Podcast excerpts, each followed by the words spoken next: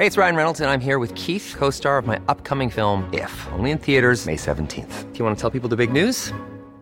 All right, I'll do it. Sign up now and you'll get unlimited for $15 a month in six months of Paramount Plus Essential Plan on us. Mintmobile.com slash switch. Upfront payment of $45 equivalent to $15 per month. Unlimited over 40 gigabytes per month. Face lower speeds. Videos at 480p. Active Mint customers by 531.24 get six months of Paramount Plus Essential Plan. Auto renews after six months. Offer ends May 31st, 2024. Separate Paramount Plus registration required. Terms and conditions apply if rated PG. It's that time of the year.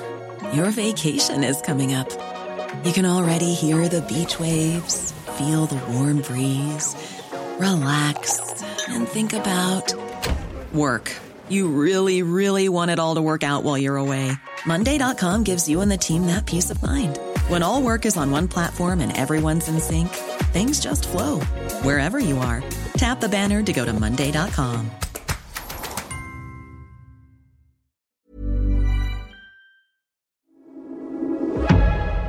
Du lyssnar på GVS ljudböcker.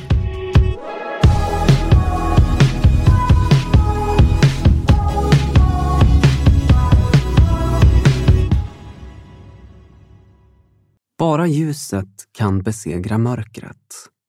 Av Sebastian Staxet. Kapitel 20 Liv bland gravar. År 1635 beslöt de välbärgade borgarna i Söderhamn att bygga en ny kyrka i den nyutnämnda staden. Anledningen var att Söderhamn fått ett lukrativt affärsuppdrag av kungahuset att börja masstillverka vapen på ett nytt gevärsfaktori. Dessa gevär behövdes inte bara för att stå emot de skjutglada danskarna. Fem år tidigare hade nämligen Sverige gått med i det beryktade 30-åriga kriget. Det hade gått tre år sedan kung Gustav II Adolf, den andre, stupat i det berömda slaget vid Lützen. Kriget hade brutit ut då den tysk-romerska kejsaren Ferdinand II, slöt ett förbund med de katolska förstarna i landet. Målet var att katolicismen skulle bli den regerande religionen i dåtidens Europa och kejsarens rike skulle bli det regerande riket som skulle inta så många strategiskt viktiga platser som bara var möjligt. Arméer mobiliserades. Stridslarm ekade. Kung Gustav II Adolf beslöt sig för att gå ut i kriget för att skydda den protestantiska tron som svenskarna bekände sig till. Han kände en stark oro över katolicismens inflytande som spred ut sig över Tysklands gränser.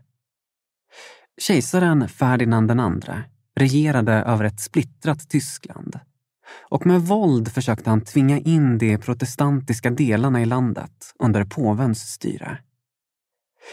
Det blev en mycket blodig historia.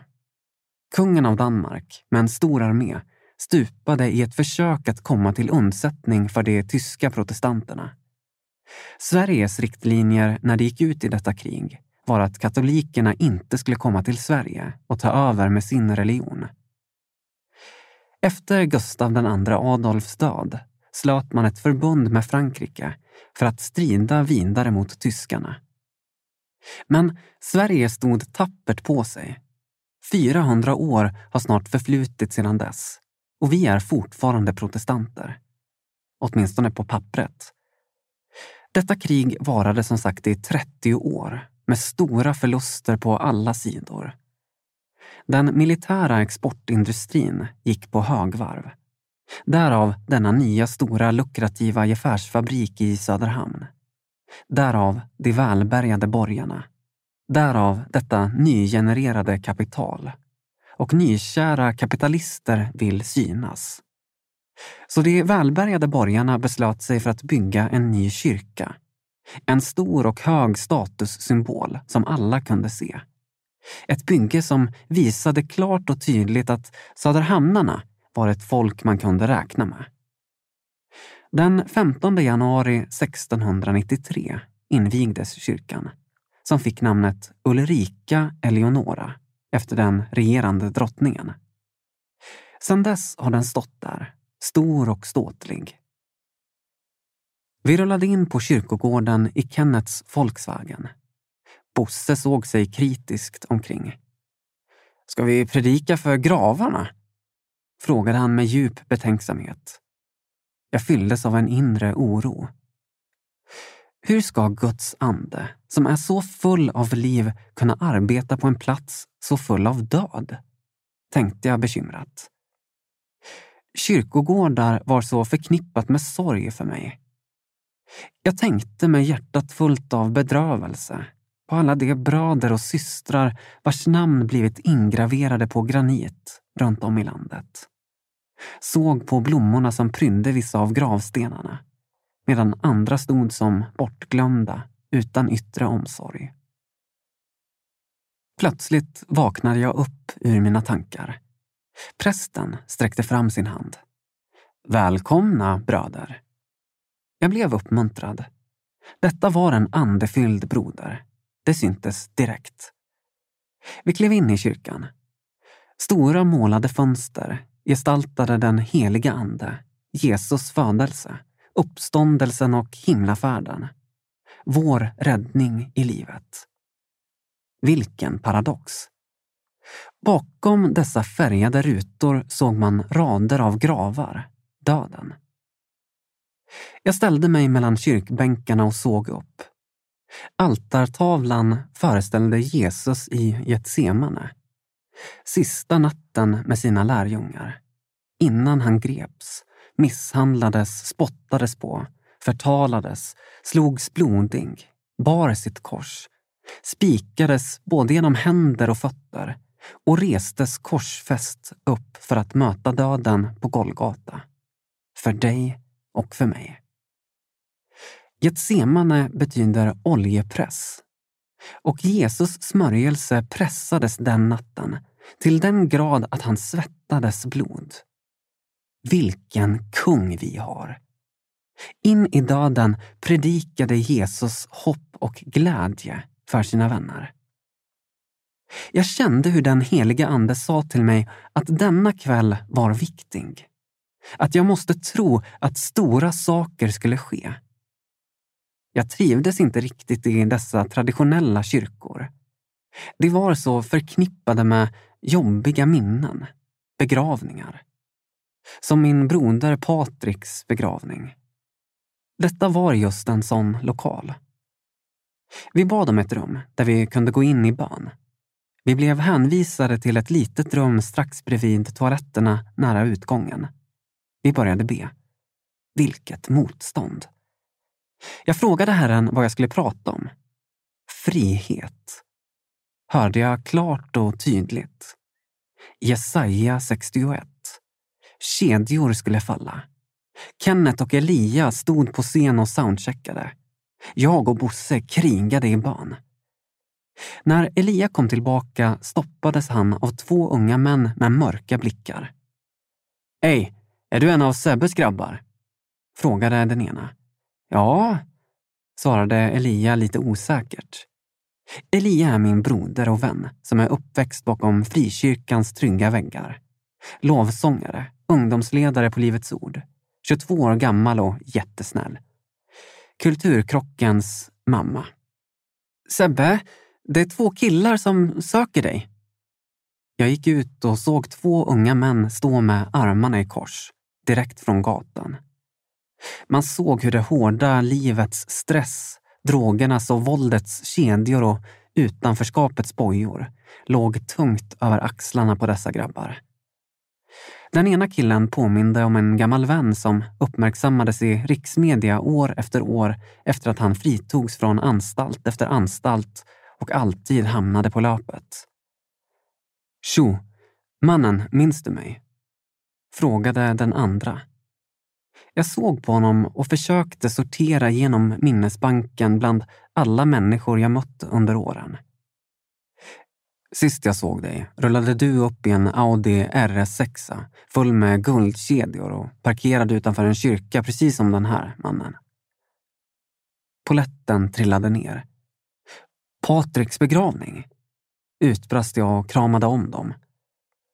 Och du är lillebror till... Frågade jag den andra. Ja, mannen, svarade han. Det fanns ingen fientlighet bakom dem bara aktsamhet och nyfikenhet. Ey grabbar, ni är mina VIP ikväll, sa jag uppmuntrad. De kollade på varandra och sen på mig. Ey, så det är sant alltså, den här Jesus-grejen? Det är på riktigt alltså? Frågan var uppriktig. Ja, bröder. Lyssna på budskapet ikväll, så ska ni förstå vad som hänt mig. Det är på riktigt, svarade jag. Sen gick jag tillbaka in i rummet, bad Jesus öppna deras hjärtan och tackade Gud för den här chansen att få ge evangeliet om friheten i Kristus till dessa unga fångar. Tittade ut på gravarna. Mindes alla unga män och kvinnor från Patriks begravning. Tänk om jag vetat då vad jag visste nu. Jag fylldes av beslutsamhet. Frihet för de fångade, Fader. I Jesu namn. Men jag var fortfarande osäker på hur det skulle gå till i den miljö vi befann oss i. Då visade Herren mig berättelsen från Markus evangeliets femte kapitel om den demonbesatta mannen som höll till ute bland gravarna. Han som naken slog sig själv med stenar och som levde ett liv bland kedjor och bojor i skuggan av gravarnas mörker. Han som ingen vågade prata med och som var så utstött att ingen i samhället ville ha med honom att göra. Då slog det mig som en blixt från klar himmel. Vad hände med den mannen? Jesus kom till honom, till gravarna, till djupet av hans galenskap och mörker och sträckte ut sin varma hand. Jesus kom och omfamnade denna trasiga, utstötta man med kärlek och Jesus gjorde honom fullständigt fri. Och när omgivningen sen kom för att se den tokiga mannen fann de honom klädd och vid sina sinnens fulla bruk. Jag fylldes av den helige Andes kraft. Wow! Om gravarna inte begränsade Guds verk där och då, varför skulle gravarna begränsa Guds verk här och nu? Tänkte jag upprymd och smällde upp dörren och klev in i kyrksalen. Det var smockfullt. Det var så fullt att folk satt ner på golvet i altargångarna. Unga vilsna grabbar med kepsar och adidasbyxor. Unga tjejer som på den skadeglada vägen efter jakten på människors bekräftelse blivit brutna, utnyttjade och sårade. Förtvivlade mammor till missbrukande barn. Skuldbärande fäder som övergivit sina familjer och fallit till botten av flaskorna. Och mina två VIP-gäster som framstod som ledargestalter för några av de andra unga männen i kyrksalen. Jag kände Guds närvaro från första stund. Jag visste att jag behövde gå djupt ner i mitt förflutna för att fånga upp dessa människor. Det var dags att kasta ut nätet. Jag föll ner på knä inför alla dessa människor och bad till min fader att varenda en skulle omslutas av Guds kärlek och att friheten i Jesus Kristus skulle manifestera sig på ett mäktigt sätt. Sen började jag predika och vittna om vad Jesus gjort i mitt liv. I början var det krig, starkt motstånd. Mina två vänner pratade högljutt i telefon och med varandra. Vandrade fram och tillbaka som man gör i centrum i orten. Och vissa av de kyrkovana besökarna skruvade nervöst på sig och såg väldigt besvärade ut. Inte jag. Det var exakt så där jag kom in till Guds församling. Jag förstod mycket väl att mörkret de samlat på sig under alla år inte skulle släppa dem utan kamp. Det var krig i kyrkan mellan andemakter, som det varit 400 år tidigare mellan Sverige och Tyskland.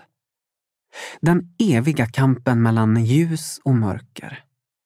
Inga problem. Jag hade på mig boxningshandskarna. Jag visste att det finns auktoritet i Guds ord och att allt mörker måste backa när ljuset kommer. Jag körde på. Folk satt helt stilla och bara lyssnade. Vissa gapade. Sen kom vi till den delen i min berättelse när jag gav mitt liv till Herren. Mitt nya liv i friheten. Den helige ande föll så starkt, som utlovat, mitt bland gravarna. Folk brast ut i gråt från ingenstans. Jag kunde nästan höra hur Satans kedjor krossades varje gång Guds ord talades ut från mina läppar. Det finns kraft i Jesus namn. När jag bjöd in till frälsning kom många, många fram. Vilket mäktigt och underbart gensvar. Bosse klev ut i altargången med bestämda steg. Han öppnade sina händer. Då såg jag plötsligt hur mina VIP-gäster gick mot honom, synbart berörda. Och när Bosse mötte dem föll en av dem på hans högra axel, den andra på hans vänstra. Jag klev ner och vi kramades alla. Och när de tog emot Jesus som sin Herre brast det för oss fullständigt och tårarna fullkomligt strömmade ner längs kinderna. Det var så starkt. Jesus kom med bultsax och vinkelslip till den gamla kyrkan i Söderhamn. Och gnistorna flög i ett andligt regn av eld när kedja efter kedja bröts, krossades och föll till marken i bitar. Frihet för de fångade.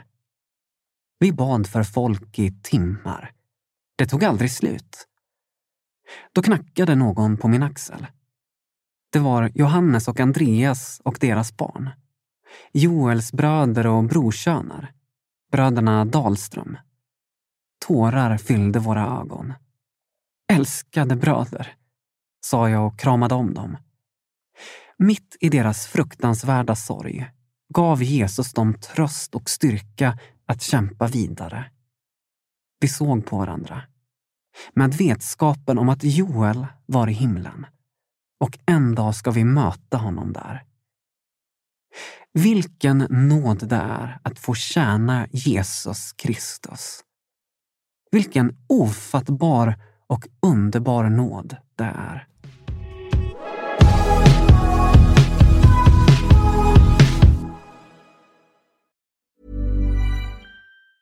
Hey, it's Danny Pellegrino from Everything Iconic. Ready to upgrade your style game without blowing your budget?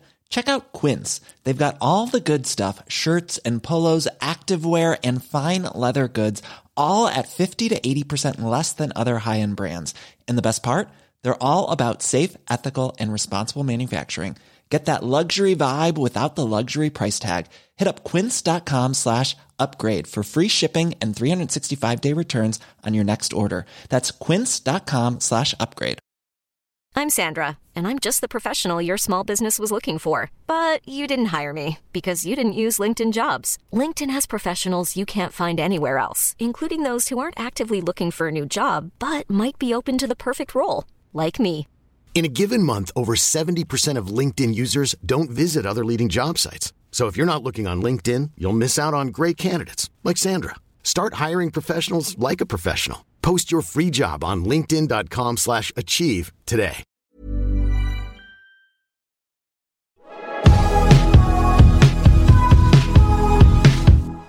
Kapitel 21 Inlåsta men älskade.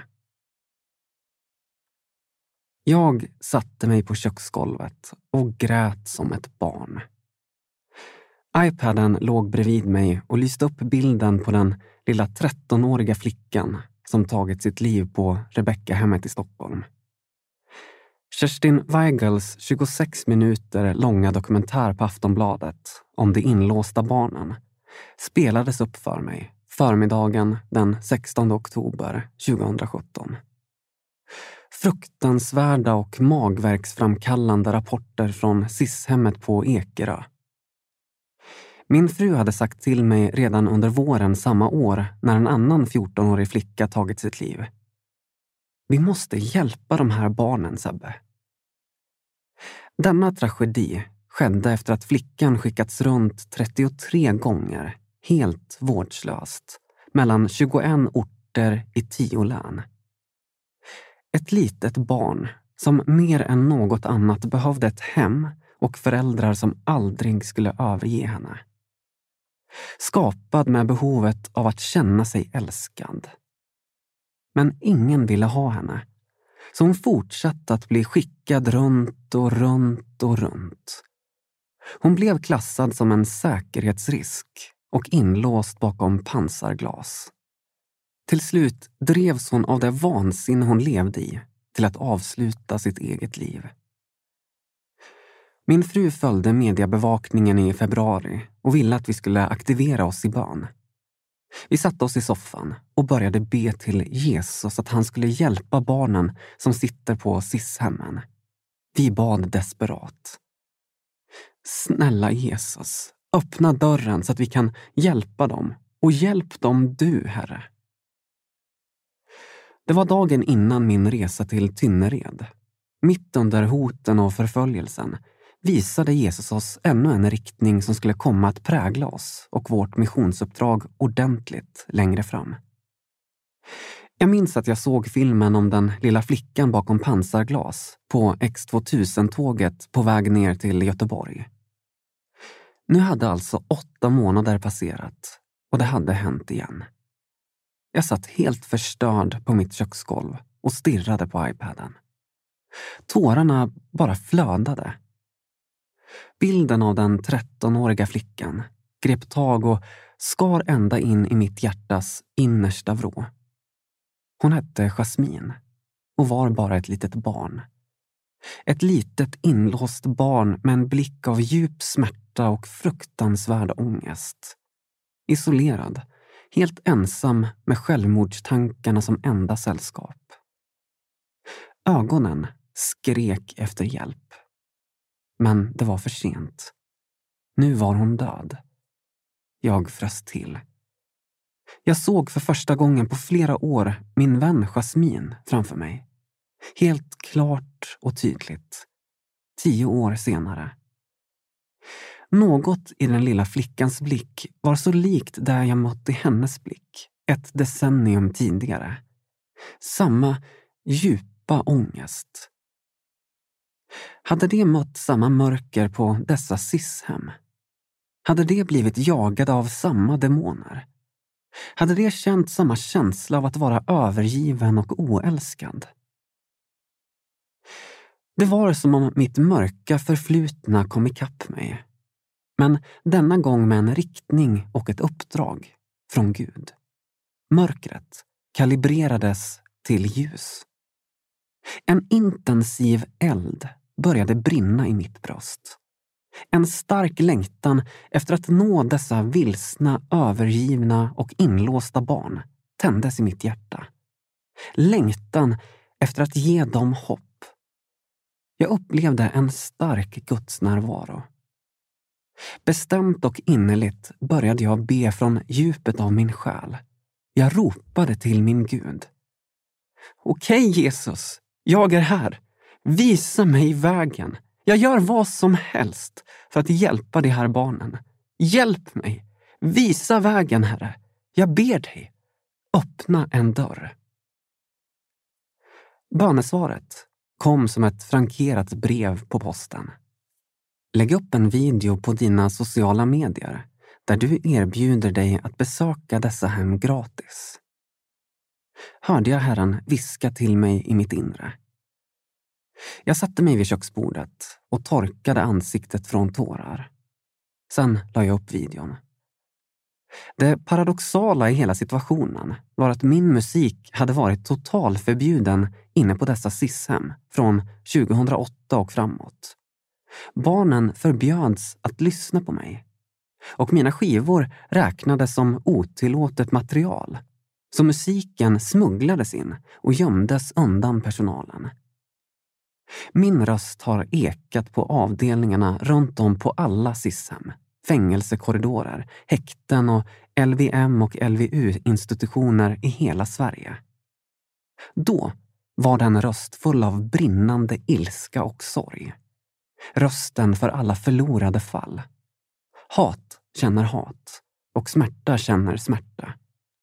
Igenkänningsfaktorn var skyhög. Om någon vet hur det känns att bära där de bär, är det jag. Hat, självmordstankar och destruktivitet har följt mig dagligen sedan jag var ett litet barn. Men nu var jag fri. Nu var jag läkt. Mitt trasiga hjärta var helt. Och jag hade goda nyheter att ge till dessa institutionsskadade ungdomar. Ni är så älskade och så värdefulla och det finns ett helt nytt liv att få. Jesus älskar er.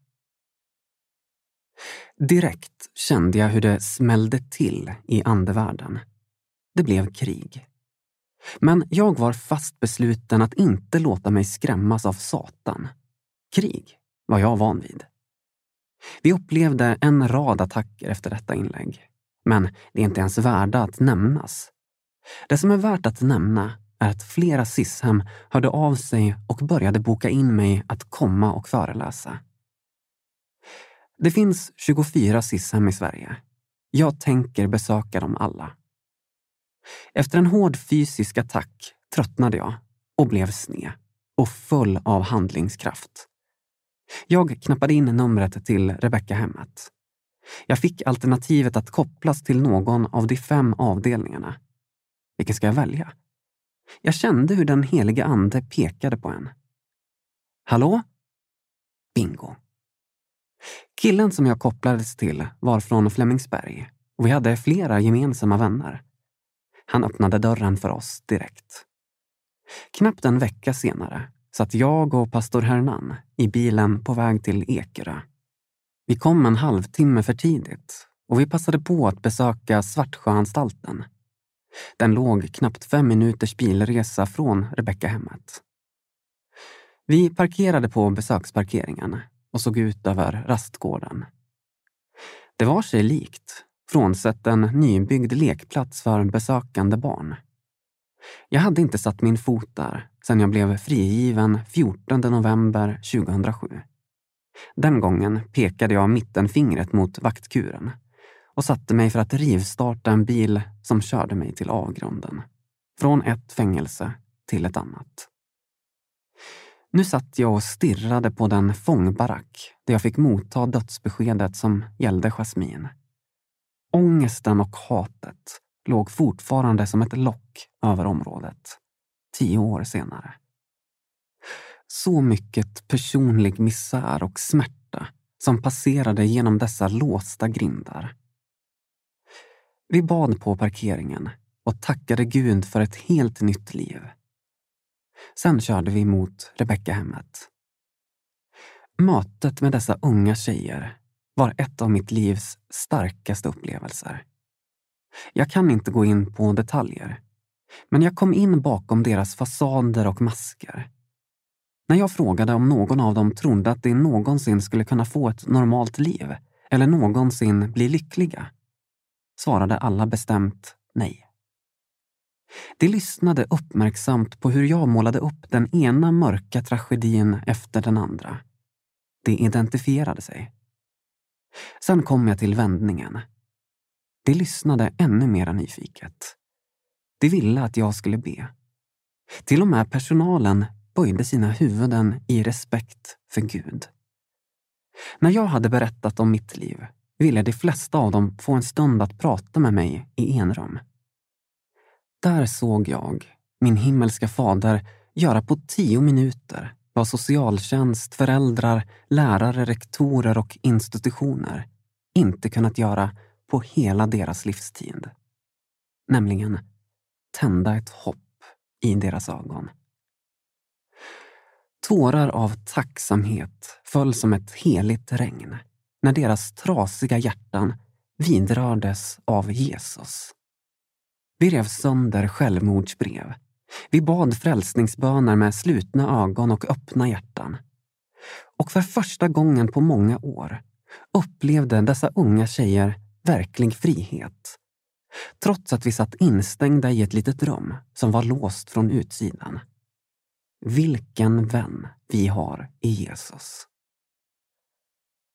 Statens institutionsstyrelse, SIS, är den myndighet som sedan den 1 juli 1993 administrerar och driver tvångsvård av ungdomar och vuxna missbrukare i Sverige. Många barn föds in i dysfunktionalitet. Drogerna har fullständigt svämmat över vårt land och lämnat tusentals familjer fullkomligt i spillror. Överallt ser man mammor och pappor som faller i beroendet och förlorar förmågan att ta hand om sina barn. Kokainpåsar, tramadolförpackningar, amfetaminsprutor, ecstasytabletter, MDMA-pulver, burkar med bensodiazepiner, heroinbollar, fentanylflaskor, haschkakor, cannabisväxter och internetdroger har svept över hela vårt land som en dödlig tsunami. Och stora mängder av människoliv har drunknat och dött i missbrukets farvatten. Det är svårt att veta hur många barn som drabbats av denna landsomfattande tragedi. Men det är många. Barnen och ungdomarna som blir omhändertagna av socialen utvecklar ofta en felaktig syn på sig själva. De anklagar sig själva för det som skett och tycker att det är dem det är fel på. Men det är inte sant. Det är en lögn. Vem som helst kan hamna snett. Du som lyssnar på detta just nu. Du ska veta att du är älskad och värdefull. Dyrbar och fantastisk. Det finns ingen som du. Allt är inte ditt fel. När min turné på SIS-hemmen startade visste jag inte vad jag hade att förvänta mig. Men jag visste att det var Gud som sänt in mig. Efter Rebeckahemmet blev jag kallad till Fortunagården, sedan till Långanäs och därefter Margretelund och avdelningen Arnhem. Vi bevittnade den helige Ande röra sig genom dessa institutioner som en varm sommarvind. Och Gud mötte dessa unga människor på ett så enormt starkt sätt. Att på rätt sätt beskriva Guds verk i dessa trasiga ungdomar är omöjligt för mig. Men vi bevittnade mirakel efter mirakel. Det finns ingenting bättre än att se reaktionen hos en människa som just insett att Gud existerar. Hopp tändes i dessa underbara ungdomar. Vi ropade ut frihet. Låsta dörrar har aldrig någonsin hindrat Jesus. Få saker har drabbat mig lika hårt som att möta dessa barn. För det är just vad många av dem är. Barn. En stor del av dem förstår inte varför de är inlåsta. Vissa har blivit våldtagna av familjemedlemmar och kastats in i tvångsvård utan att förstå varför. Både personal och intagna är oerhört frustrerade. På båda sidor upplever man att det mest handlar om förvaring. En ändstation eller sopstation där problem som samhället inte klarar av att ta tag i dumpas. Många av dessa barn uppger att de har en diagnos och tror att det är på grund av diagnosen som de blivit placerade. Men i själva verket kan alla barn, jag tror mig kunna säga samtliga, visar på ett trauma i deras liv då allting gick snett. I mina samtal med dem har alla barn och ungdomar kunnat peka ut, ofta exakt på dagen och klockslaget, när deras helvete brakade loss. Det var alltså inte tal om någon diagnos innan traumat. Utan samhället valde i sin frustration över att inte ha förmågan att laga det som gått sönder, att sätta en stämpel och skylla allt efterföljande agerande på stämpeln. Det är fruktansvärt tufft att möta dessa barn och ungdomar. Och jag förstår hur svårt det måste vara att arbeta på en SIS-institution. Speciellt när det varken krävs utbildning eller specialkompetens för att få arbeta på ett SIS-hem. För mig är det skrämmande, då det handlar om Sveriges mest utsatta barn. Om det någonstans behövs kompetens så är det väl där. En flicka jag träffade gömde sig bakom så många lager av hat att det tog en lång stund att bryta ner hennes skyddsmurar. När jag berättade att det inte var något fel på henne, utan att hon bara blivit sönderslagen av livet och att det hade kunnat hända vem som helst, började hon skaka. Jag sa till henne. Du får gråta Det är okej. Okay. Tårar är helande vatten. Då började hon gråta. Men hon grät tyst. Det hördes inte ett ljud när tårarna föll.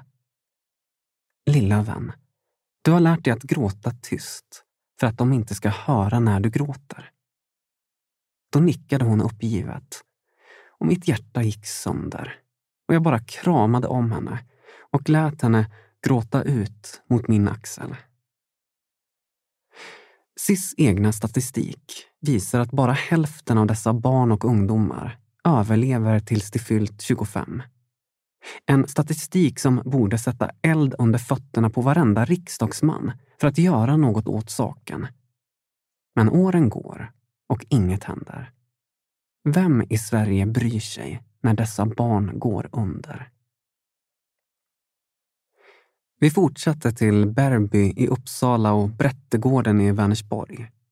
På Berby fick vi bland annat besöka den hårdaste avdelningen som är byggd för att förvara Sveriges farligaste ungdomar, Klockbacka. Säkerhetsnivån var extrem. Jag fick en chock. Det var en fängelsebunker byggd för ungdomar. Där inne träffade jag flera som blev jätteglada över att se mig. Ungdomar som växt upp och formats av min musik. Men nu var jag där inne med ett annat budskap. Om friheten i Jesus Kristus. Jag fastnade speciellt för en ung man från södra Stockholm. Jag såg hatet som han bar i sitt hjärta. Men jag såg även den starka längtan efter frihet som fanns i hans hjärta. Det visade sig att hans mamma var troende och hade bett mycket för honom. Jag kände i mitt hjärta att jag ville hjälpa honom. Jag bad med många till frälsning den dagen på Berby. Men tyvärr ingen på Klockbacka. Det fanns inget läge i oss då. Jag bad för denne unge man när jag satte mig i bilen och körde tillbaka till Stockholm. Nästa stopp var Smyrnakyrkan i Göteborg. Vi var tillbaka exakt åtta månader efter det första besöket. Birger Skoglunds profetia om Sverige och Smyrna hade mynnat ut i en explosion av frälsning den 26 februari 2017. Det hade inte gått att räkna antalet. Men det var hundratals som blev frälsta den kvällen. Över 2000 människor hade besökt kyrkan i vinterkylan. Folk kom strömmande från bussar och spårvagnar som om det vore en allsvensk fotbollsmatch. Helande mirakler hade skett. Bland annat det som hände med Kabbe. Flera kända gangsters gav upp pang-pang-livet och lämnade sig till Jesus. Under flera månader efter Jesusmötet hade inte en enda skottlossning rapporterats i Göteborg. Det var nog det största miraklet av alla. En våg av kärlek sköljde över staden. Pastor Urban Ringbäck, en underbar broder och mentor, hade strålat av glädje. Vi besökte även en skola och en finsk församling den helgen. Väldigt många kom till tro. Vilken underbar seger för Göteborg! Nu var det 26 november samma år och vi var tillbaka i Smyrna. Beväpnad med Guds ord predikade jag om jobb, om vikten av att lämna askan, att lära känna Gud på riktigt. Beväpnad med Guds ord predikade jag om jobb, om vikten av att lämna askan, att lära känna Gud på riktigt. Pastor Henrik och pastor Dennis Shepard från Pingstkyrkan i Varberg assisterade mig vid predikan. Det var riktigt mäktigt. Kedjor bröts. 71 människor registrerades frälsta med namn och nummer för uppföljning. All ära till Gud. Morgonen efter käkade jag frukost på hotellet med pastor Louise, Kenneth och pastor Hernan.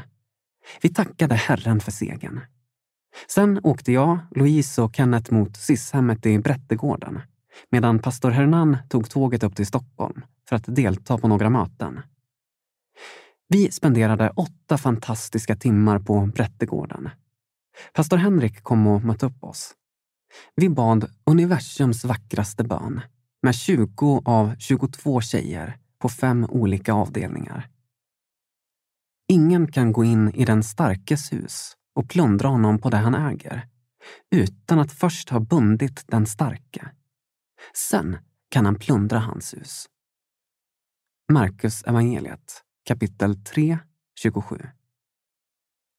Vi såg hopp tändas och fängelsedörrar öppnas. Murar föll. Frihet för de fångna och befrielse för bundna. Vi plundrade den starke husmannen. Rakt upp och ner. Halleluja! Vi körde hem till Stockholm under fem timmar i nattmörkret och prisade Jesus hela vägen dit. Morgonen efter väntade pastor Hernan utanför min lägenhet. Vi skulle till studion vid Medborgarplatsen och spela in en låt med en afrikansk broder från Johannesburg som heter Mpu Ludidi. Han var tidigare en av Sydafrikas mest lovande brottare. Han hade blivit erbjuden ett proffskontrakt i USA när en pastor besökt honom i Johannesburg och sagt Gud vill att du slutar brottas med människor och börjar brottas för honom. På det ordet lämnade han karriären som brottare och gav sig helt åt Gud. Nu bodde han i Karlskrona och jobbade inom Frälsningsarmén. Livet är lustigt ibland. Vi spelade in låten Son of God och hade en underbar dag i studion. Vid lunchtid ringde min telefon. Det var säkerhetschefen från Klockbacka-avdelningen i Bärby. Tjena Sebbe, är du i Stockholm idag? Är du och Hernan tillgängliga? Jag blev förvånad. Absolut, svarade jag och uppgav adressen. En timme senare hade vi just avslutat lunchen på restaurang Exit på Söder. KJ, Joakim och Mpo hade återvänt till studion när telefonen ringde. Vi är här. Fångtransporten från Berby hade precis anlänt. In på restaurangen kom säkerhetschefen, följd av två gigantiska vakter och min nyfunna vän från söderort. Jag trodde inte mina ögon. Jag menar, jag visste ju att de skulle komma, men synen chockade mig. Vilken glädje! Min nyfunna vän såg chockad ut över att vara ute i friheten. Han hade inte sett annat än säkerhetsavdelningens enformiga, sterila miljö på över hundra dagar. Nu stod han mitt i lunchrusningen. Jag frågade vakterna om det var okej okay att jag och min vän hade ett enskilt samtal. Absolut, sa vakterna. Tack Jesus. Där och då bad vi till Herren och Jesus välkomnade min broder med öppna armar. Vi satt i över 40 minuter och pratade och jag kramade om min vän och vi kände hoppet trots hans situation. Det här var svaret på hans mammas böner. Jag jublade inombords. Jag hade själv suttit isolerad på häkten och i fängelser. Och nu fick jag vara med om detta. Wow! Stämningen var på topp när vi sa hej då till sällskapet. Vi stod i öppningen till restaurangen och såg de stora vakterna, säkerhetschefen och vår nye broder gå iväg på Götgatan mot fångtransporten, fulla av glädje och vinka till mig och Hernan. Killen var sedd av samhället som en av de farligaste ungdomarna i Sverige. Men han var sänd av Gud som ett älskat barn. Och samhället hade just kört honom från Uppsala till Stockholm. Det var det bästa samhället någonsin gjort för honom. Idag är han frälst. Haha, vilken seger! Vilken vän vi har i Jesus.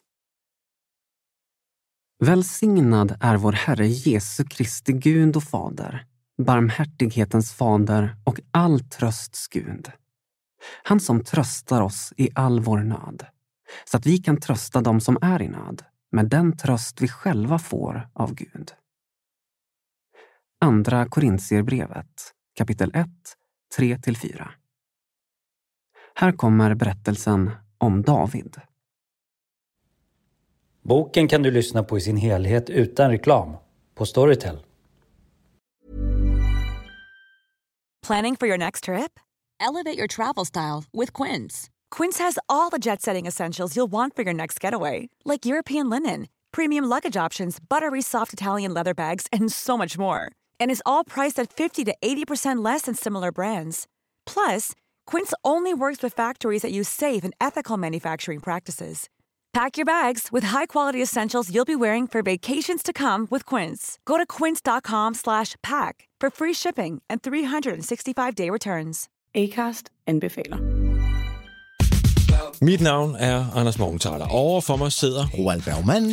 Vi har lavet en ny podcast, der hedder Dopaminklubben. Og Dopaminklubben er en klub, hvor ADHD er fucking sjovt, og hvor det griner. Det behøver ikke at være super alvorligt. Vi er skide trætte af alle de der podcasts, der forklarer mig nederen der. Vi gør grin med vores ADHD. Mulig ADHD. Ja, vi udreder mig, fordi nogen siger, at jeg har det. Jeg ved det ikke rigtigt, det finder vi ud af. Vi har i hvert fald lavet vedmål. Ind og lyt til Dopaminklubben. Hver uge udkommer vi. Der laver vi sjov og spas med at have den her vidunderlige dopaminmangel.